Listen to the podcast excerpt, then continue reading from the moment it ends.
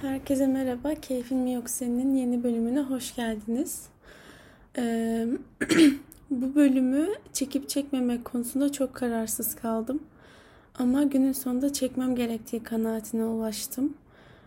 Ee, biliyorsunuz ki yaklaşık sanırım 12 gündür e, İsrail'in Gazze'ye karşı inanılmaz korkunç saldırıları devam ediyor. Tıpkı 75 e, yıldır olduğu gibi. E, bu saldırılar e, somut olarak Filistin'de devam ediyorken aynı zamanda e, internette de psikolojik bir savaşın devam ettiğini söylemek mümkün. Bu psikolojik savaşta kullanılan silahlardan ve bu silahların insan zihninin e, hangi gediklerinden girdiğinden bahsedeceğiz bugün. Kısaca propagandadan. E, dünya medyası inanılmaz yoğun bir şekilde e, İsrail'i meşrulaştıracak bir medya dili kullanmaya senelerdir e, yaptığı gibi devam ediyor. E, pek çok markalar paylaşıldı, pek çok gazetecilerin ifadeleri paylaşıldı, e, pek çoğuna karşı çıkıldı e, gibi gibi bizim de e, Gazze'nin yanında olan insanların da sosyal medyada yaptığı bir eylemlilik biçimi süre geliyor. E, bu eylemliliğin uluslararası boyutta ne kadar ses getirdiğini ya da e, İsrail medyasına karşı nasıl bir konumda olduğunu söylemek benim açımdan mümkün değil. Ben bir medya uzmanı değilim. Ama e, bildiğimi düşündüğüm bir şey var. E, insan davranışı ve psikolojisi. E, 6 senedir psikoloji bilimiyle ilgileniyorum ve e, bu 6 senede zaman zaman dikkatimi çeken en temel konulardan biri e, zamanında Hitler nasıl bu kadar destek gördü? Hitler insanlar nasıl meşrulaştırdılar? Mussolini nasıl insanlara bu eziyeti edebildi? Nasıl bunlar yaşandı? Amerika İran'a girerken nasıl herkes sakince demokrasi getirdi diyebildi? Ee, bunu anlamak benim için çok zorlu ve çok da gerekli gördüğüm bir şeydi. Çünkü geçmişe dönüp baktığım zaman, anneme babama sorduğum zaman o günleri gördüğünü bildiğim yetişkinlerin gözlerinde aslında o nefreti görebildiğim zaman o nefrete rağmen bu gerçek zalimliğin nasıl gerçekleştiğini çok sorguladım. Ve maalesef kendimi bildim bileli Gazze'deki bu korkunç saldırılar, korkunç terör eylemleri bize Mussolini'nin, Hitler'in nasıl haklı çıktığını, Amerika'nın nasıl meşrulaştırdığını da gösterir nitelikte. Maalesef, maalesef hepimiz tıpkı annemizin, babamızın şahit olduğu gibi korkunç şeylere şahit oluyoruz ve hiçbir şey değişmiyor. Maalesef medya hala İsrail'i meşrulaştıracak şeyleri söyleyebiliyor. Hala Avrupa Birliği İsrail'in yanında olduğunu söyleyebiliyor. Birleşmiş Milletler sessiz, NATO sessiz. Ne bileyim herkes sessiz, sessizce hatta sessiz bile değil. İşte o korkunç psikolojik savaşta çok net bir şekilde İsrail'in tarafını tutmuş ve o meşrulaştırma mekanizmalarının her birini tüm güçleriyle kullanır vaziyetteler. Buna karşılık da şöyle bir karar aldım. Ee, bu, bunu çekme kararı aldım. Kaç kişi dinler, e, ya da söylediklerim ne kadar doğrudur inanın bilmiyorum. Sadece bana öğretileni ve öğrendiklerimi düşündüğümde günümüzü izlerken anlamlı bulduğum şeyleri anlatmaya çalışacağım.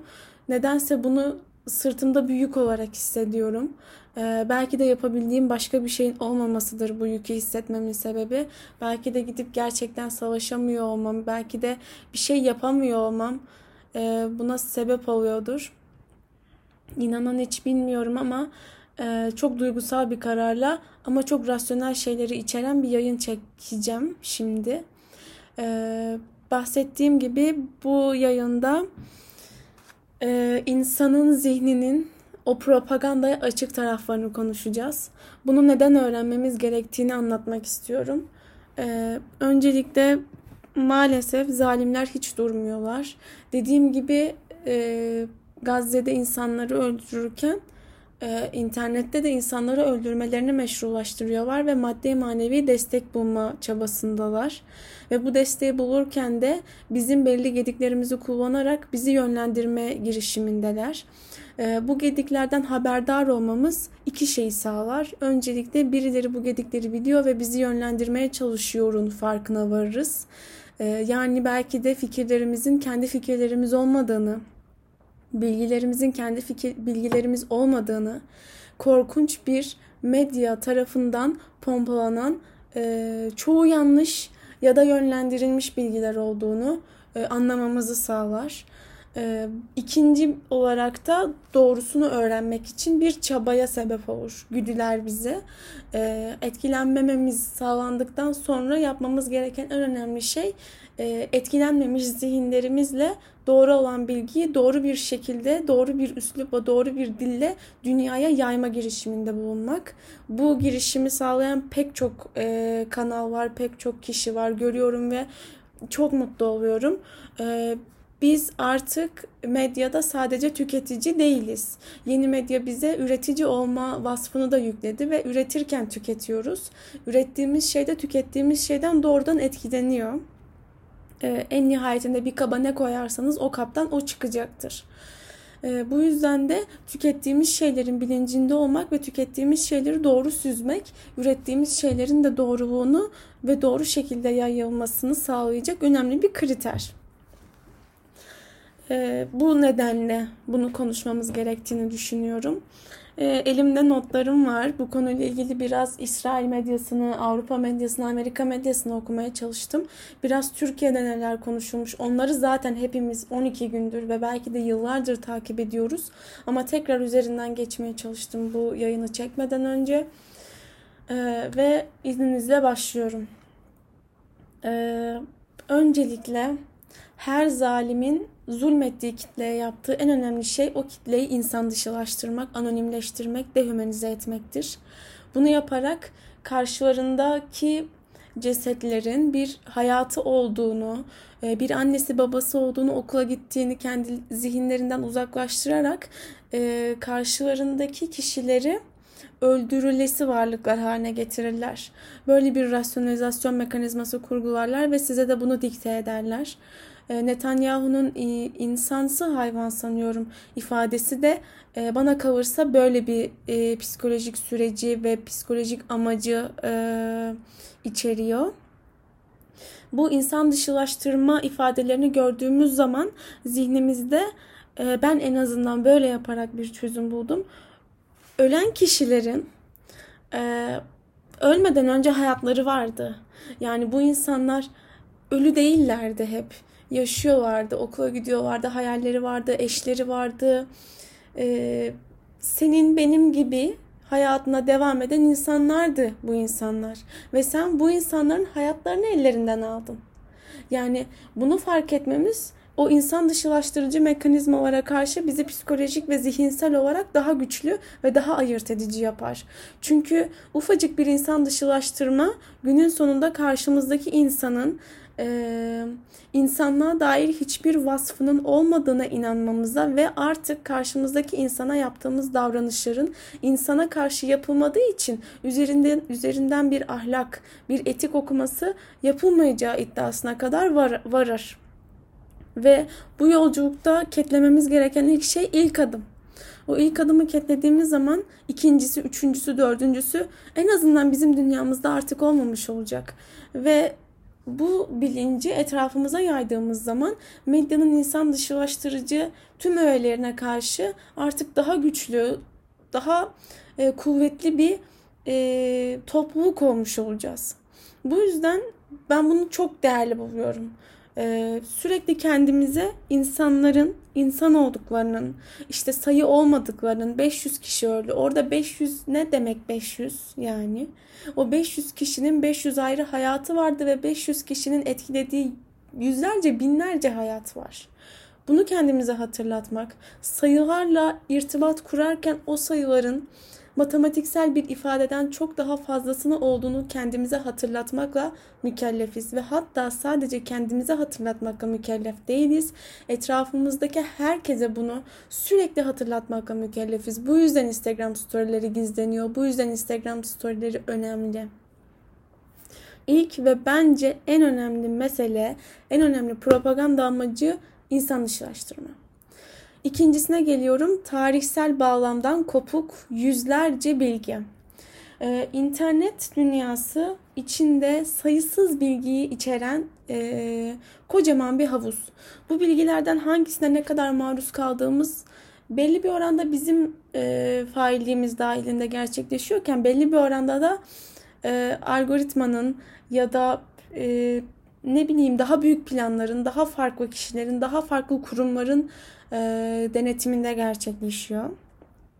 En azından bir kere faili olduğumuz kadar neye maruz kaldığımızın e, yönlendiricisi olma noktasında bilinçli bir çabaya ihtiyacımız var. Neleri okuduğumuzun, Twitter ana sayfamıza hangi kanalların düştüğünün bilincinde olmamızın şart olduğu kanaatindeyim. İkinci olarak da bu e, maddede şundan bahsetmek istiyorum. 75 senelik bir zulüm tarihi var Gazze'nin. Bir işgal tarihi var. Ve şu anda 12 gündür deneyimlenen, yaşanan bu korkunç meseleyi 12 günlük bir mesele olarak e, bize anlatmaya çalışan e, kişiler görüyorum. E, bunun yanlış olduğunu düşünüyorum. Koskoca bir tarih var ve o tarihi okumadan e, bu zulme uğrayan kişileri de bu zulmü gerçekleştiren canileri de tanımamız çok mümkün değil. Tarihsel bağlamdan bir bilgiyi kopardığınız zaman o bilgi istediğiniz yere sürüklenebilir. Çünkü bugünü değerlendirmek için bir sürü bilişsel kapasitemizi kullanabiliriz ve öngörüde bulunabiliriz. Ama tarihsel bir bağlam koyduğunuz zaman bilgiye öngörüde bulunmanıza gerek yok. Zaten tarihsel bir realite var zaten önünüzde. Neyden sonra ne olmuş, ne yüzünden ne yaşanmış bunu görmeniz için örnek teşkil edecek bir sürü deneyim var önünüzde. Bugün olarak baktığımız zaman meseleye sadece yarın tamamen bizim zihinlerimizde kurguladığımız ve istediğimiz tarafı meşrulaştırabileceğimiz bir araca dönüşür. Ama öyle bir şey yok. Yarının ne olacağını gösteren bir sürü önceki deneyimler var ve bu önceki deneyimleri bilmek bizim boynumuzun borcu. Çünkü bizim bilgisizliğimiz bizim zihnimizi yönlendiren bir gediye dönüşüyor. Ve o bilgisizliğimizi bilen insanlar e, bu propagandayı bu bilgisizliğimiz üzerinden kurguluyorlar ve yanlış bilgilerle o gedikleri öyle bir dolduruyorlar ki artık sizin okunuz yanlış tarafa doğru dön- dönmüş oluyor. O yüzden bilgi bilgi bilgi. Peki bu bilgiyi doldururken ne yapıyorlar? Eksik bilgileri çok hızlı ve çok çarpıcı ifadelerle dolduruyorlar.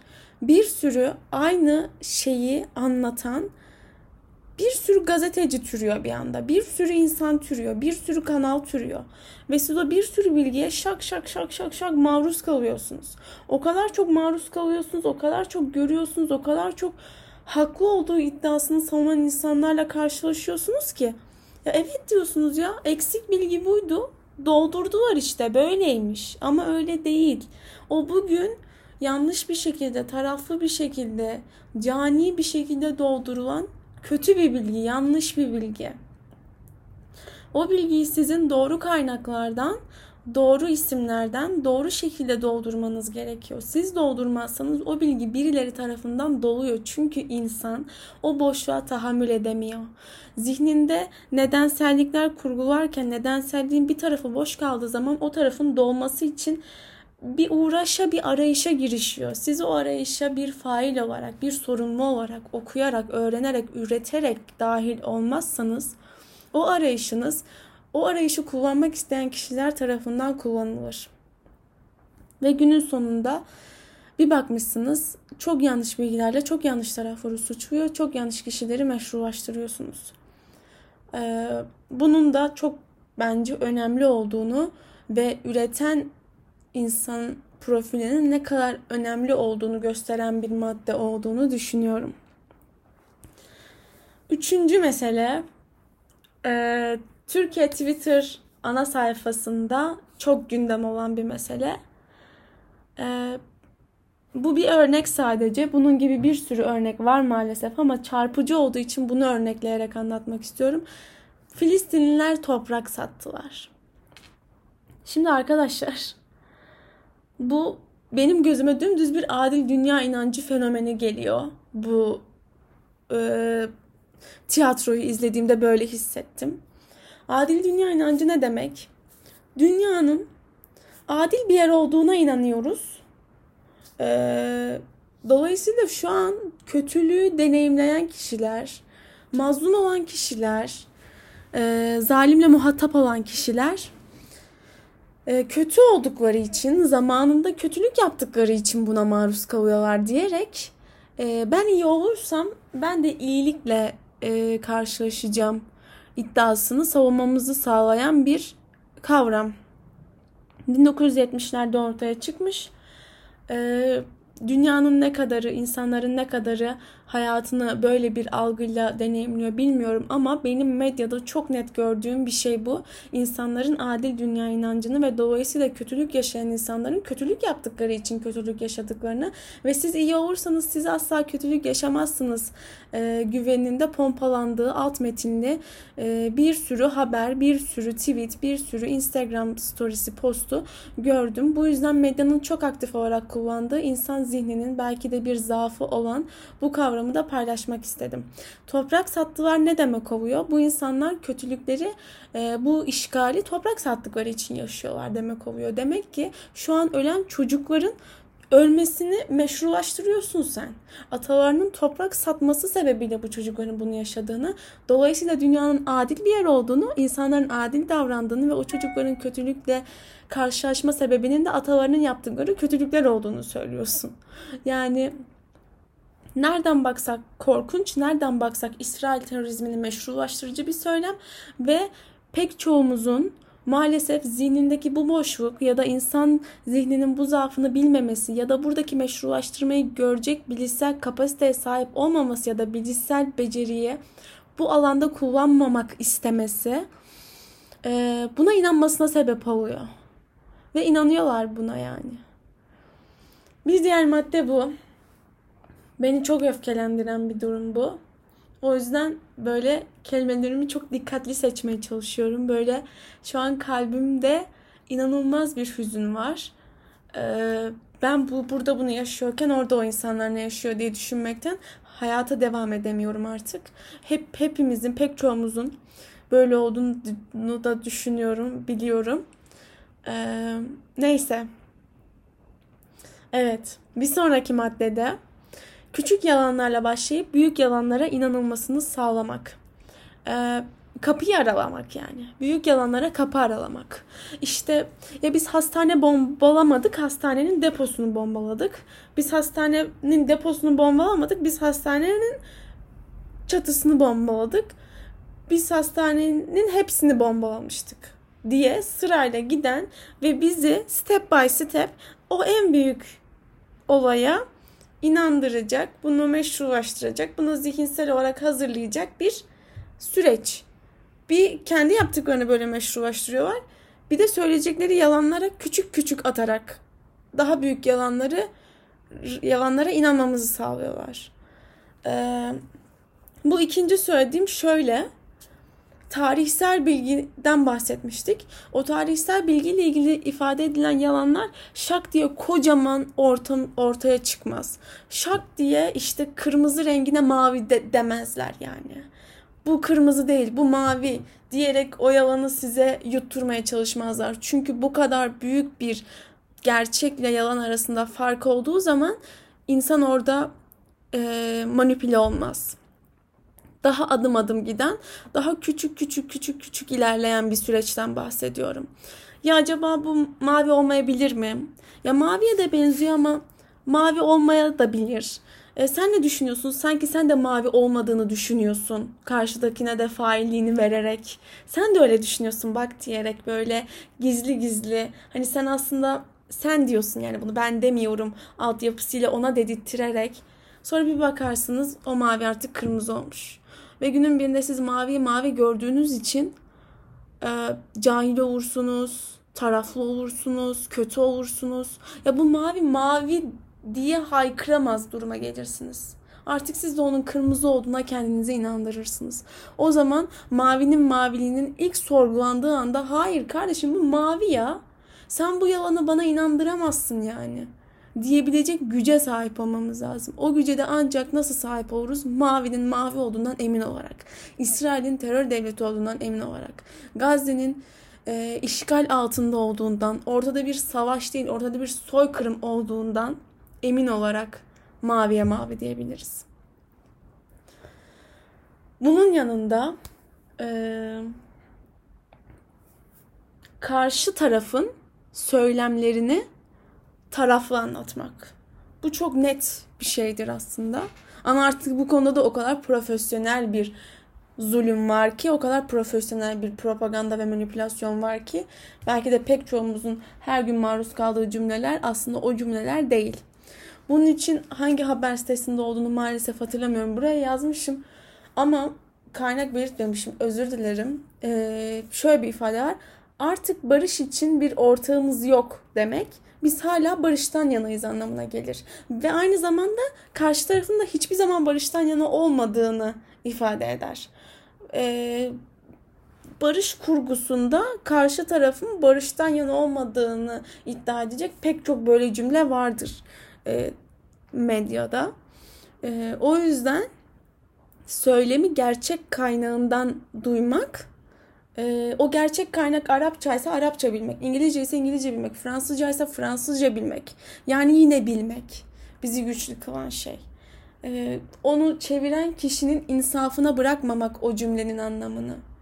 Ee, yoksa o çeviren kişi ne taraftaysa biz de aynı şeyi düşünüyor olacağız. Çünkü çevirmenin bin bir türlü şekli var. İstediğiniz şekilde çevirebilirsiniz bir cümleyi. Ve belki aynı anlama geldiğinde iddia edebilirsiniz ama aynı anlama gelmiyordur. 20 sene boyunca o çevirmen e, bir cümleyi hep aynı şekilde çevirirse 20 senenin sonunda bir taraf haklıyken haksız olarak algılanır. Ve sanki o çevirmen hiç de kötü bir şey yapmamış gibi deneyimleriz hepimiz.